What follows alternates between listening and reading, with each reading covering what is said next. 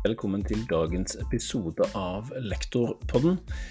I dag skal vi se på forskjellige måter vi kan forklare historie. Eh, vi skal ta utgangspunkt i tre forskjellige måter å forklare historie på. Det er intensjonal, kausal og funksjonell. Og hvis du ikke umiddelbart forstår hva jeg snakker om, så er ikke det så rart, men forhåpentligvis, på slutten av denne episoden vil du forstå hva de tre ordene egentlig betyr, og hvordan du selv kan bruke det for å forklare en hvilken som helst historisk hendelse. Så følg godt med, og velkommen til dagens episode.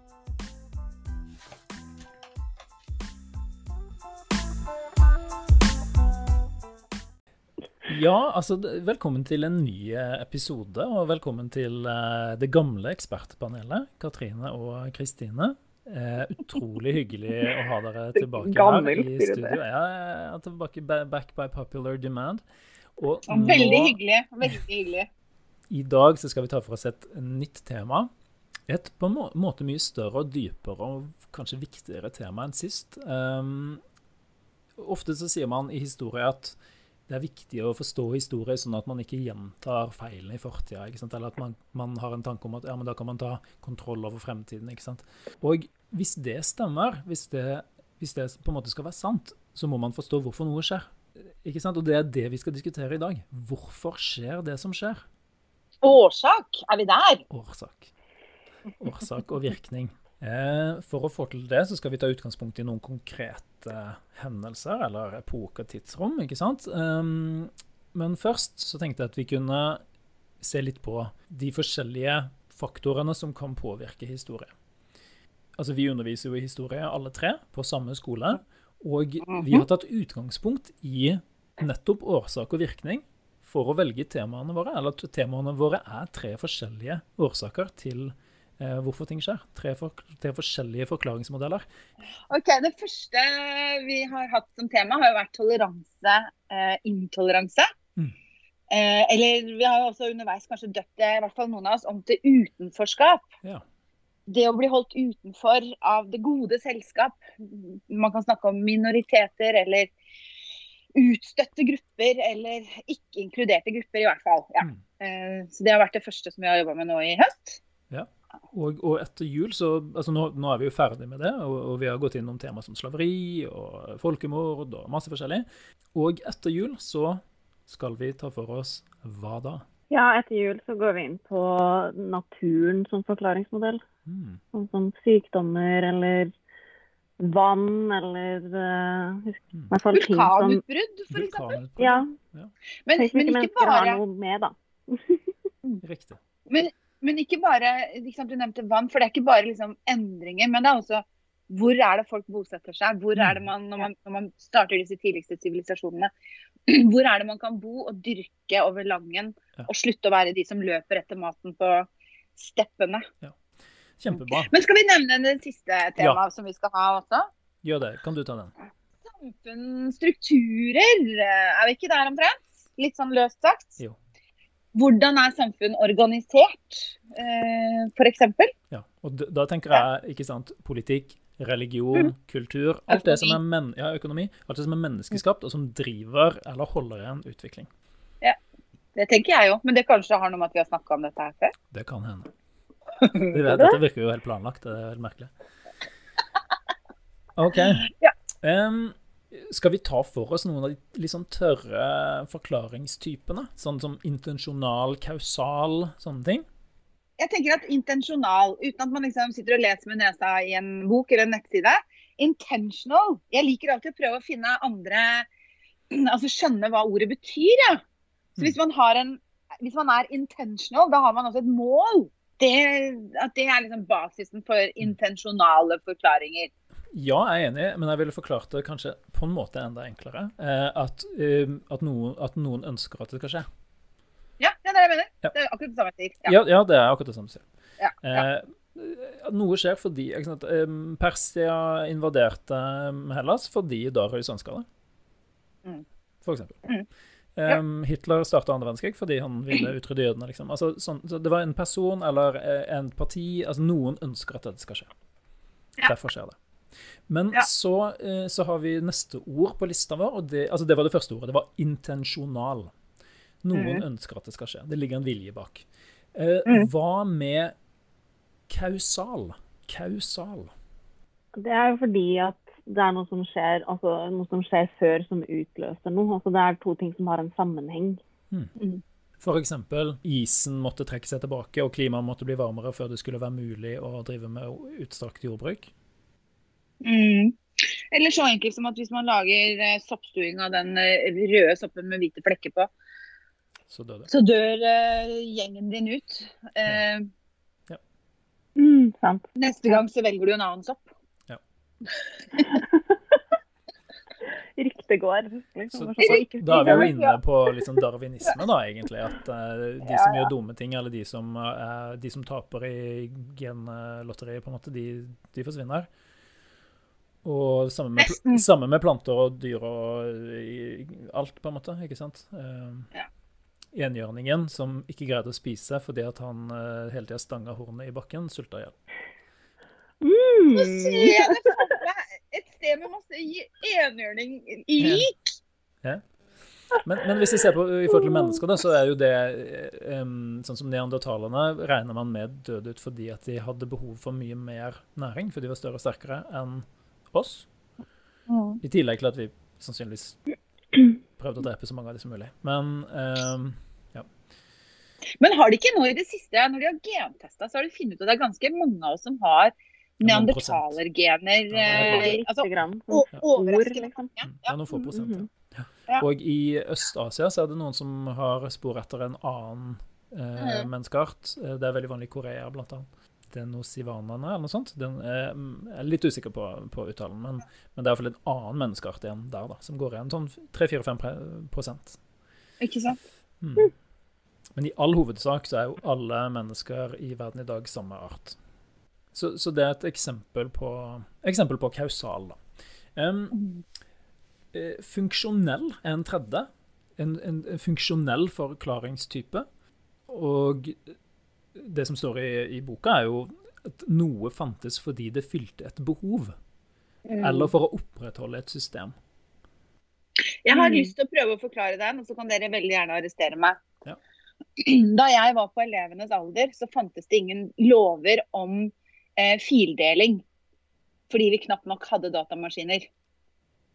I dag så kan du eh, bli satt i fengsel pga. det. Eller la meg gjøre den litt større, da. Eh, atferd på nettet. Eh, det du skriver kan du faktisk bli dømt og fengsla for i dag. Mm. Det var ting som ikke fantes når jeg gikk på eh, videregående før 1990. Det fyller no, i dag en funksjon som man ikke visste. Altså når jeg var 18 år, så visste jeg ikke at det kom til å være et behov. Mm. Men de nye lovene fyller nå en funksjon som, som har kommet pga. noe annet som har skjedd. Mm. Nemlig at vi har en stor datamaskin i lomma alle sammen. Tenker vi at slaveri kan forklares funksjonelt, da? I hvert fall noe av det. Ja, det fyller jo et arbeidsbehov. da. Du, du skal, du mm. skal um, dyrke marka. Gidder ikke å gjøre det sjøl. Du har tilgang på en haug med slaver. Mm. Det, og de jobber seg i hjel, og da trenger du nye slaver, så da opprettholder du slavesystemet. Mm. For eksempel. Ja, da forstår jeg det riktig, i hvert fall. Så funksjonell, altså. At noe som opprettholdes over tid fordi du ønsker ja, det, det, glir jo over i hverandre. Da, fordi det kan jo også hende at en, det er en intensjon bak det. ikke sant? Og da er du over på intensjonal igjen. Så disse henger jo sammen.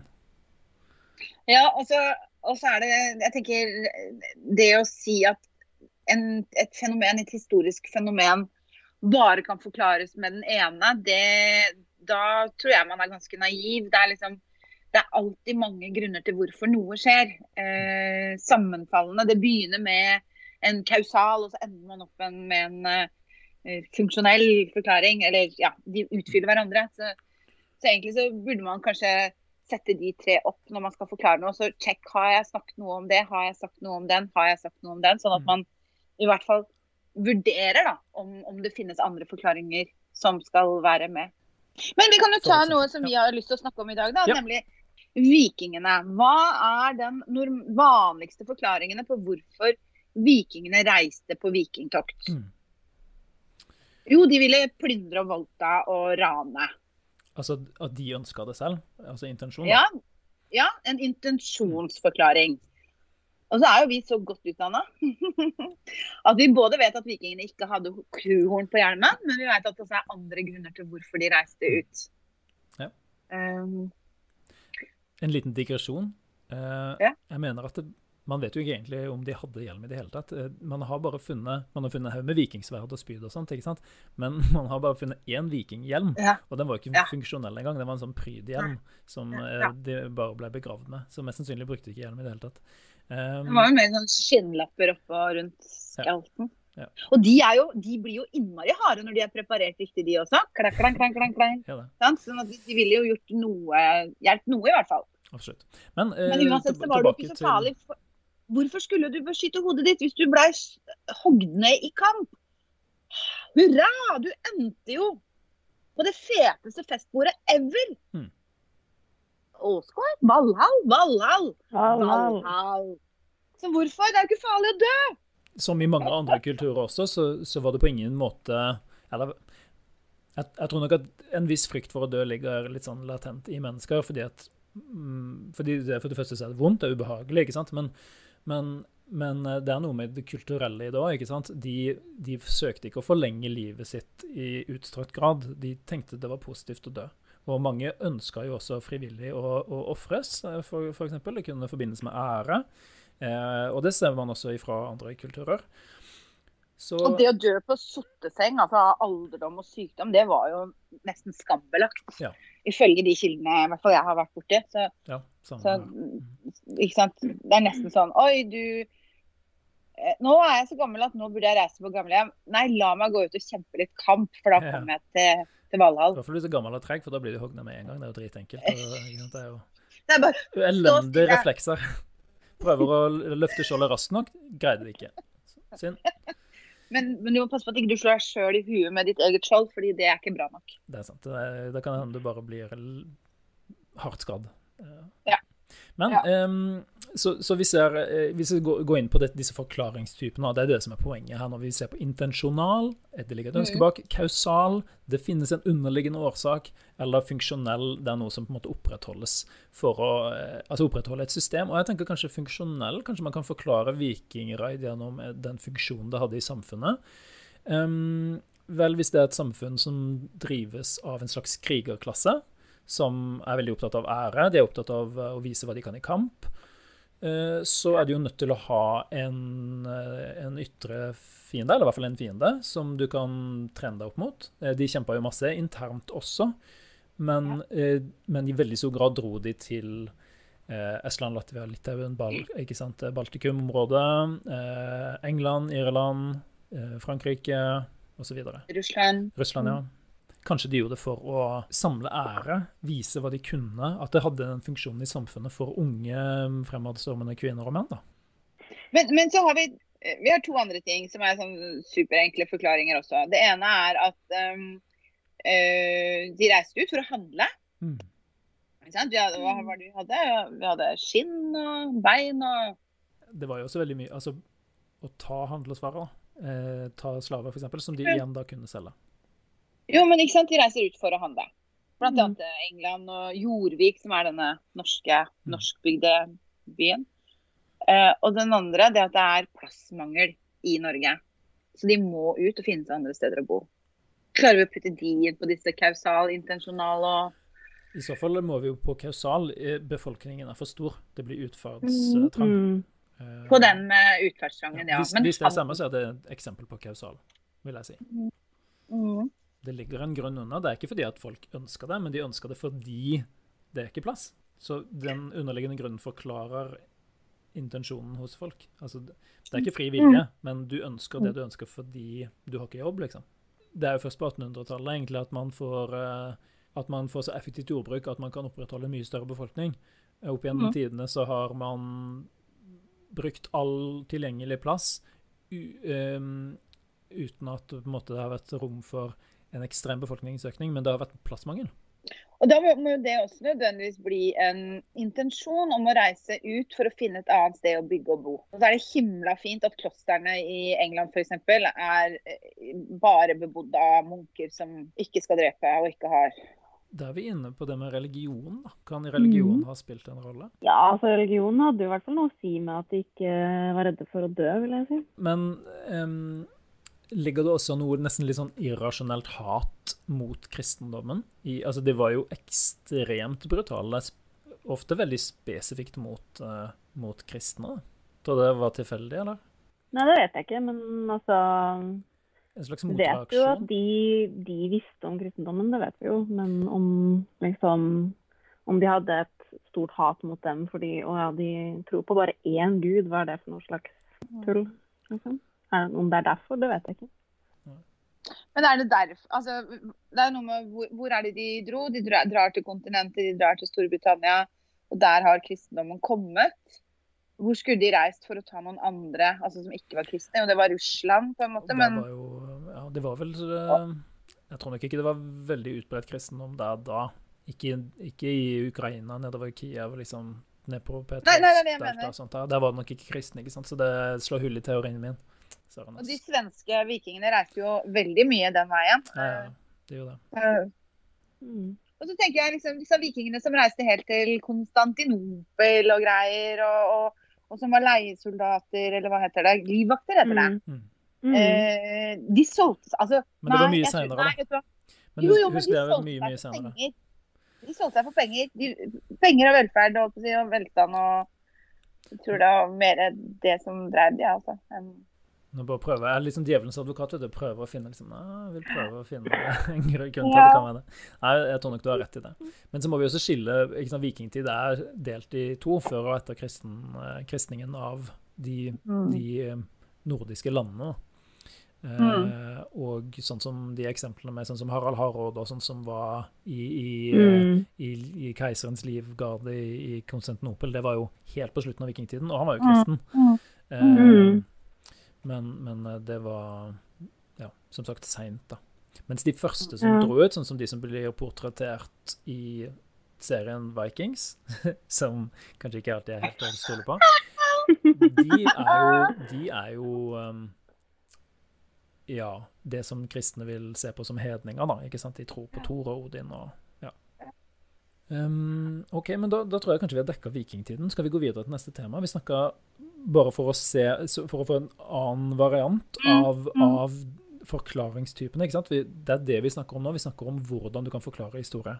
Intensjonal, kausal og funksjonell forklaring. Um, hva med kolonisering, da?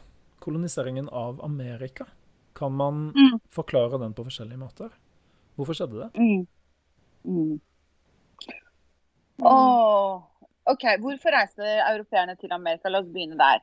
Eh, jakten på India, Columbus, Ishi, kommer dit. Eh, her er det mye goodies. Vi trenger folk til å samle sammen det vi vil ta med tilbake igjen til Europa. Hmm. Men da kan jeg sky skyte inn uh, et, et, problem der. fordi at man, for å overhodet prøve å finne India, så må man vite at India eksisterer. Så han prøvde bare å finne en annen vei til India. Men man hadde handla med India siden eh, før romertida, liksom. Hvorfor måtte han finne en annen vei? Det var i 1492, ikke sant? helt på slutten av 1400-tallet. Og hva er det som skjer i Midtøsten da? Det er jo noen som blokkerer, da. Som er ganske sånn eh, Som, som på en måte aktivt blokkerer for uh, Vest-Europa, som ligger midt imellom. Det ottomanske riket, som er mm. virkelig ekspanderende gjennom hele 1400- og 1500-tallet og opp gjennom 1600-tallet egentlig, som ikke nødvendigvis er så veldig velvillig innstilt da, mot de andre sjøfarende nasjonene i Middelhavet, f.eks. Spania, Italia mm. og de forskjellige bystatene og sånn. Så kanskje det var derfor. Og så er det jo ikke så lenge siden han derre gærningen fra han, han gærningen, han Marco Genghis, Genghis Nei, Genghis Khan har jo herja Var ikke det på 1200-1300-isha? 1200, jeg innrømmer at han var på 1200-tallet. Var... Og han herjer jo vilt på i de Altså nord i de områdene hvor Silkeveien går. Mm. Eh, sånn at hele den ruta fra India, fra Kina til Konstantinopel og videre utover, den, jo, den har jo alltid vært utsatt for. Om det er riker eller konger eller sykdommer eller bare lokale små røvere. Mm. Eh, som gjorde at varene blei himla dyre. Hva med en um, kausal årsak, da? Altså man, hva var det som, gjorde, som skjedde som gjorde det overhodet mulig å seile over havet? Man fant jo opp eh, nye sjøførende farkoster som gjorde det, gjorde det, mulig å seile over storhavet, liksom. Det var ikke mm. mulig før. Før så holdt man seg langs kysten. Karavellen som kommer? Ja. Men, men, araberne har hatt kontroll på altså vitenskap gjennom hele vår sorte middelalder. Og en del av de um, tingene som kreves for å kunne seile på åpent hav, det er altså en ting som heter astrolabium, som er det de bruk, bruker tidligst. Og Det blir oppfunnet i det antikke Hellas, og så blir det tatt i bruk i den arabiske verden. Og så er det faktisk det som er det regjerende for å kunne navigere både på sjø, men for araberne så var det snakk om det å kunne fort og korrekt finne veien, retningen til Mekka. Mm. Så jeg har lyst til å påstå at de som reiste ut og oppdaga det amerikanske kontinentet, de brukte en arabisk oppfinnelse. Høyst sannsynlig. Eller gresk, da. OK, han har overlevd uh, i det arabiske verden, da. sorry. Sorry. Ja. Alt henger sammen. Uansett. Um. OK, men vi, vi, vi eh, ser at um, Ikke sant Et ønske om å finne uh, veien til India utløser en uh, reise. Uavhengig av hvorfor han uh, ønska å finne, finne det, så, så, reiste han vestover. Og fant ikke India, men fant um, Amerika. Og var Altså, det, det, var jo et kontinent som har vært der lenge, og der var det en haug med mennesker allerede. Um, hva var det som gjorde det overhodet mulig for um, europeere å med forholdsvis lite innsats, tross alt, um, å kolonisere store deler av først Sør-Amerika og senere Nord-Amerika? Våpen. Våpen, ja. De tok med seg sykdommer. Sykdom. Sykdom. -hmm. de teppene, var det vel? Ja, du tenker på de, ja, de som ble gitt uh, Ja, det var i Nord-Amerika, mm. men ja, mm. det stemmer, det. Mm. At man ga smittebefengte tepper til uh, lokalbefolkningen som en slags gave, og så var det jo eh, med vilje for å smitte dem. Men spanjolene mm -hmm. gjorde nok ikke med vilje, de bare var smittsomme. Eh, ja. Jeg tror ikke man hadde noen forståelse av på en måte den epidemien. da. Biologisk warfare. Det eksempelet med teppene det var jo på 1800-tallet, og det, de, mm. da visste man jo godt hva man gjorde. Det var jo mye mer eh, kynisk og kalkulerende. da. Så sykdom sykdom slo ut store deler av befolkningen. Um... I det, en av de historiebøkene jeg har brukt opp igjennom, så står det noe om at når uh, spanjolene, portugiserne, kommer til, uh, til, det amerikanske kontinentet, så er de altså bleke og skjeggete, og de lukter sikkert ganske ille også.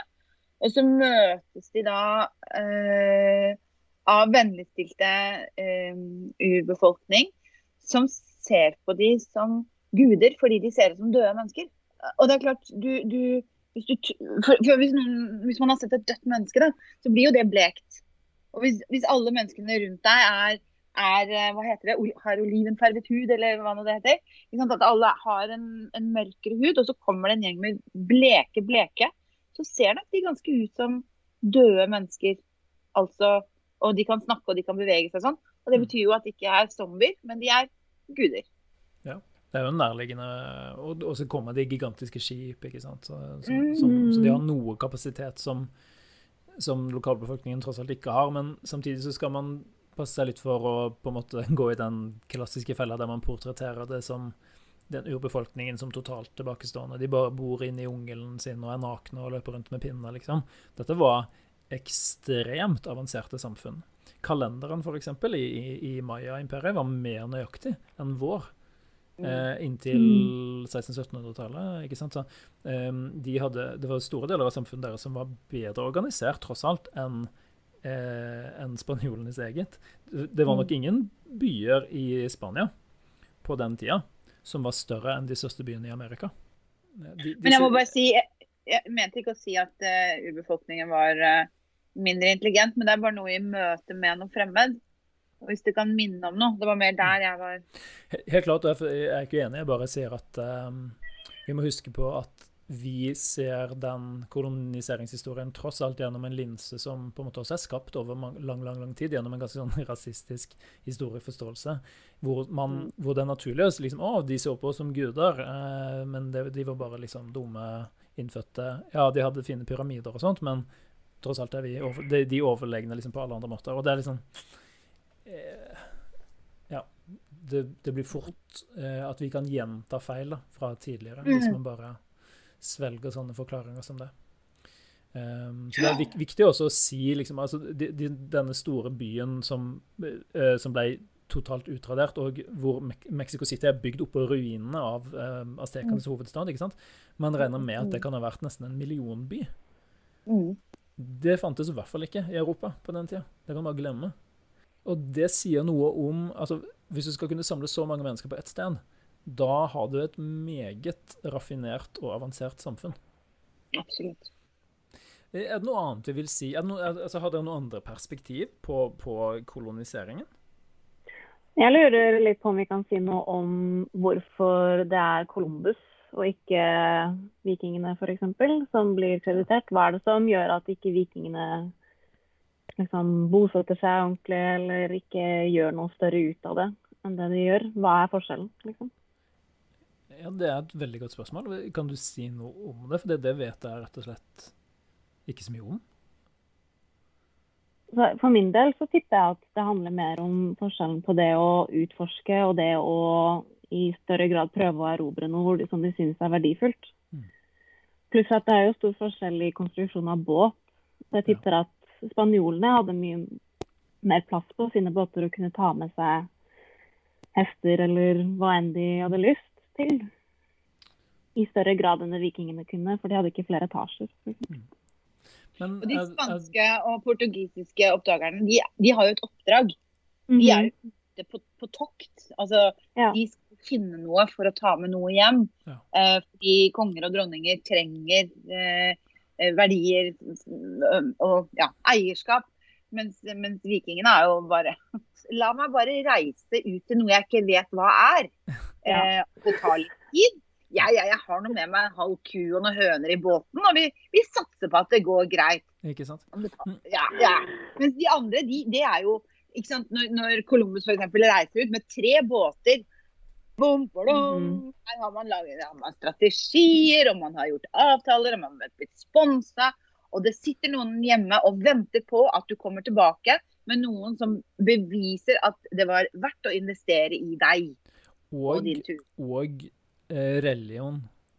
Eh, de hadde jo en intensjon bak det her, da, også mest sannsynlig. Liksom, vikingene skulle jo ikke spre troen på Thor og Odin til eh, liksom, de innfødte villmennene, liksom. De hadde overhodet ikke den, eh, det perspektivet, men det hadde garantert spanjolene.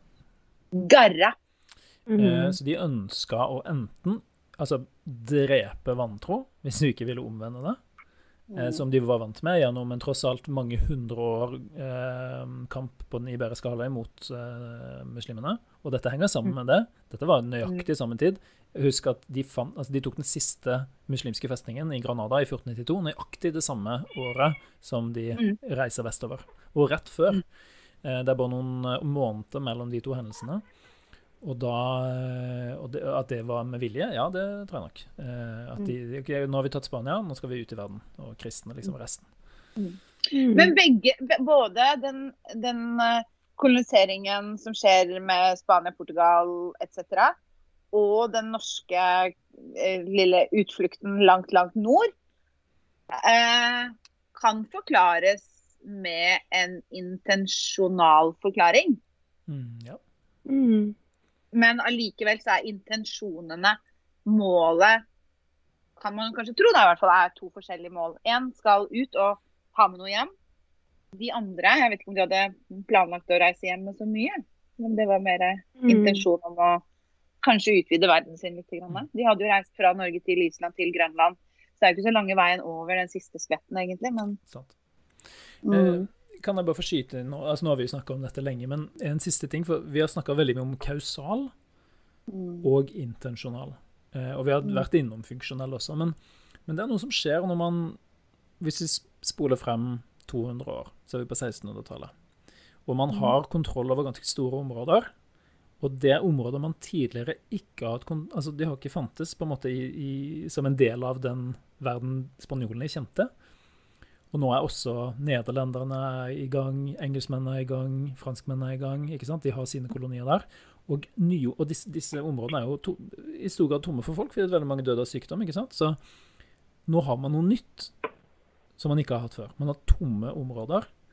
Og kan det hende at Husk at slavehandel var jo nesten utrydda i, i eh, kristne Europa fordi, Mm. på, på, på grunn av kristendommen. Fordi man skulle ikke ha slaver, ikke sant? Men, men hvorfor oppstår da plutselig slavehandelen igjen? Og blir enormt omfattende. Kan det fordi, kan det være funksjonelt? At det, fordi, fordi at det fyller et behov? Eh, ikke sant? Man, eh, man, vil, altså man trenger å bruke det tomme området til noe. Hva passer det til? Sukkerplantasjer. Ok, Hvem skal jobbe på sukkerplantasjene? Mm, slaver. Mm. Det fyller en funksjon. Altså det er en funksjonell forklaring på slavehandel. Mm. Ja, absolutt. Altså, det, og det ligger jo, et- selv om du sier at det er dø- dødd ut, så ligger det jo det ligger jo gamle Det ligger jo en gammel eh, slavehandel der allerede. Så det er jo bare å tappe inn på noe som eksisterer allerede. Mm. Og selv om kristendommen sier nei til slaver, så har det jo hele tiden vært den, den det vi kaller interkontinentale eller arabiske slavehandel, hva man vil kalle det for. Den eksisterer jo, så det er jo Ja, bare å si hei. finnes absolutt, men, men ikke i så stor grad i Europa. Nei, nei, nei, men ikke sant? Den er der, og da Jeg har et svært land, der er det fruktbart. Mm. Men de folka som bodde der, de har jeg klart å drepe med å smitte de med influensa, og kopper og hva vet jeg. Og så har jeg skutt noen av de. Jeg trenger andre. Hvor Ja. kan jeg få tak i de? Let me go to Africa! Og det er jo ikke som om de ikke prøvde å bruke eh, lokalbefolkningen til som slave, men de døde jo i haugevis. De tålte det ikke. Um, det var det jo for så vidt ingen som gjorde, da. Altså alle, Det var derfor de måtte ikke selge 13 millioner av det. Og de bare jobb, jobba det jo i hjel, ikke sant. Men da kan vi, da kan vi altså forklare da kan vi forklare dette med slavehandelen eh, funksjonelt. Men hvordan kan vi i dag forklare den rasismen som finnes i USA? Basert på det vi vet. Hmm. Intensjonelt, funksjonelt eller kausal. Hmm. Jeg har lyst til å påstå at det er fordi at det er en viljet rasisme. Fra hvem? Fra eh, hvit, rik mann. Men Mm. er det litt konspiratorisk? Ja, vi må prøve. Ja, ja, men da må Hvem er det, hvem er, hvem er det som er, eh, er høyt utdanna og rik? Jo, det er uh, White Anglo-Saxon Protestant Waspen. Uh, I det øyeblikket man tillater at andre uh, kommer opp på samme nivå, da blir det mindre verdier å dele Altså for meg, jeg må dele med. Eh, jeg får større konkurranse. Eh, jeg har mindre, eh, mindre økonomiske fortrinn. La, meg holde, la meg holde de nede.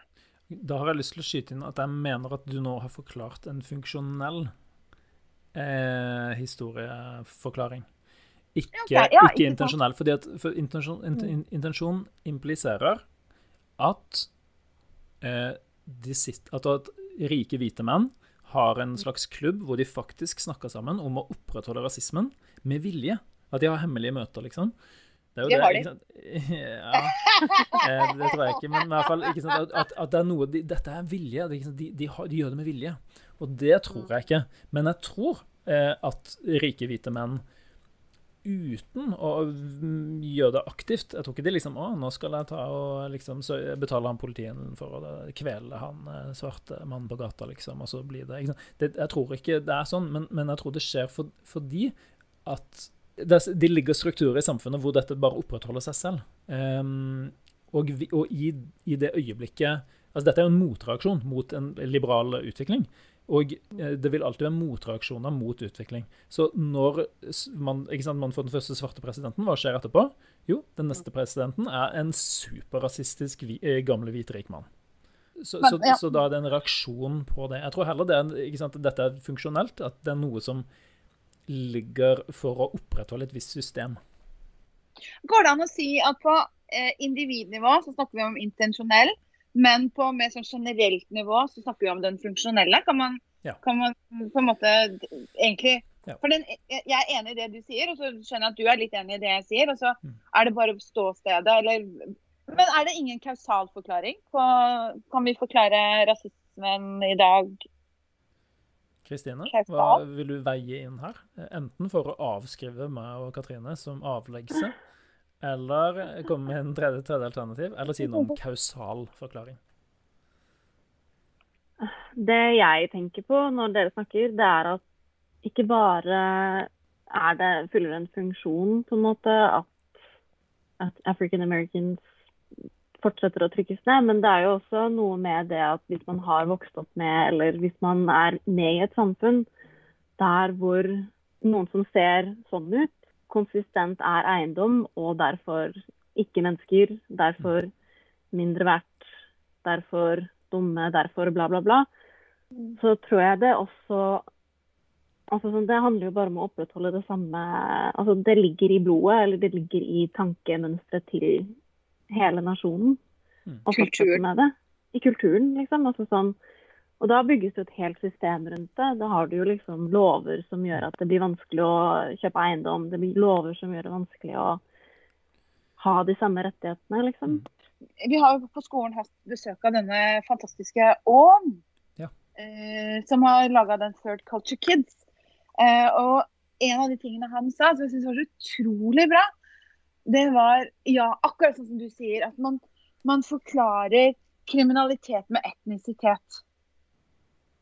Og så sier han bare uh -uh, kriminalitet handler om økonomi, om fattigdom, om sosialt hvor du befinner deg hen. Mm. That's it og viser til forskning på det. Det er jo egentlig åpenbart. fordi altså, Hvis du ser på det sånn, i et historisk perspektiv, så blir det en helt søkt debatt. fordi sånn som Australia var en straffekoloni. Alle som ja. ble sendt dit, var enten soldater som skulle passe på de kriminelle, eller kriminelle. Og i dag så er det et vanlig funksjonelt land som ses som på en måte et oppegå... Liksom det er der du vil dra for å kose deg. Det er kjempegod vin og fine strender, liksom. Du kan surfe. Ikke sant? Eh, eh, genetisk sier det overhodet ingen mening. Da vil, det skulle jo vært den psyko, eh, det psykolandet, liksom. Alle bare sånn innavla med, med, gale kriminelle.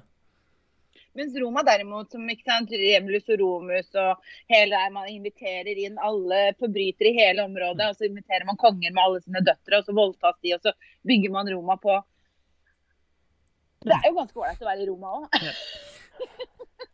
Kan jeg, få, jeg, vil, kan jeg, bare få avslutte med en slags Jeg var ikke sånn, redd for hva jeg skulle si. Men når vi er inne på dette med kriminalitet For eh, jeg har hørt det, det er, dette blir en slags sånn avsluttende anekdote. At det er en teori om at forutsetningen for at vi overhodet har et samfunn, altså at man begynte å lage større grupper med mennesker som bodde sammen, det var at i, i disse områdene hvor, hvor um, altså mellom landsbyer og sånt, så begynte det å danne seg eh, strukturer hvor det var kriminelle. Så kriminelle drev med raid mot landsbyer og mot karavaner og sånne ting. Og for å motstå det, så måtte man lage større samfunnsstrukturer. Med f.eks. en konge som hadde en liten garde med soldater som kunne ta de kriminelle. Så forutsetningen for samfunn er kriminalitet. Så derfor supert til alle, alle, våre lyttere som er kriminelle, eller har gjort noe kriminelt noen gang. Helt supert. Fordi Nydelig. det dere gjør, er faktisk eh, et, en forutsetning for eh, organisert samfunn. Potensielt, da. Dette er jo bare en teori. Men, men det er morsomt å se på. Liksom, man kan flippe og, flippe og flappe på, på historiske hendelser. Og det er litt det som gjør historie gøy, da. Jeg hadde denne diskusjonen med noen elever i, i, går, faktisk. Og de bare Så ingenting vi vet er altså, sånn, Det vi får høre, er bare folk som har sittet og tolka og liksom bare funnet på masse teorier, og det er ingenting som vi vet 100% at er helt sant. At, ja, det er, det er, akkurat sånn det er, faktisk. Altså, sånn, vi kan sitte og snakke i det uendelige og lage teorier på alt mulig rart. Mm. Og det kan godt være at det er like sant som alt som vi har fått fortalt gjennom hele vår oppvekst og skolegang. Ja. Fordi vi kan aldri se hva som skjer når vi ikke er der. Men, men, det som er spennende med det du sier nå, er jo det som Eirik starta med. At vi skal lære av historie. Vi må kunne historien for å lære historien. Og så sitter du nå og overbeviser elevene dine og mm. tar fra de håpet. Fordi at vi kan jo ikke lære fra historien. Det er vel egentlig lærdommen, tror jeg. At uh, det er ikke noe der vi kan lære av.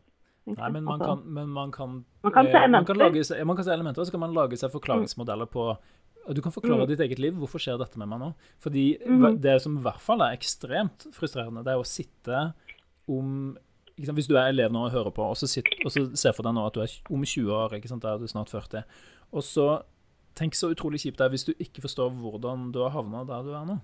Eller om 20 år, da. Hvis du ikke har noen som helst slags forståelse, liksom, hvorfor skjedde dette med meg? Hvorfor har jeg den jobben jeg har, eller eventuelt ikke jobb? Hvorfor har jeg den familien jeg har, eller eventuelt ikke familie? Hvorfor, hvorfor går det sånn med det landet jeg bor i nå? Hvis du ikke har noen som helst slags mulighet til å forstå, eller hvis du ikke forstår noen ting, det tror jeg er farlig, da, hvis det gjelder mange nok mm. i et samfunn. Det gjør jo det. Gjelder veldig mange. Det er derfor jeg syns historie er viktig på et personlig nivå. At du, Ja. du kan prøve i hvert fall å forstå. Og jo mer du kan, jo enklere er det å forstå, og jo bedre forstår du. For det går jo selvfølgelig an å forstå helt feil. Ok, Men jeg må bare si tusen tusen hjertelig takk til Ekspertpanelet nok en gang. Jeg gleder meg til neste episode. Det er helt supert å lage podkast med dere. Det er alltid interessant.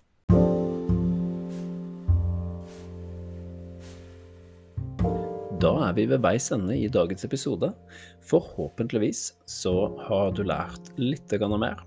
Målet er jo at du nå skal forstå forskjellen på ordene intensjonal, kausal og funksjonell når det gjelder å kunne forklare hendelser i historie. Enten det gjelder hendelser i ditt eget liv, eller i, eh, ja, i historiefaget, i, i ting som har skjedd før. Og selvfølgelig ting som, som kommer til å skje. Eh, dette er altså viktige begrep i historiefaget.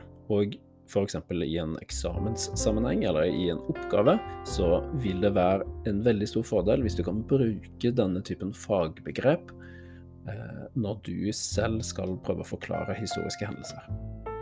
Så tusen takk for at du har fulgt med, og, og så ses vi snart igjen. Ha en fin dag.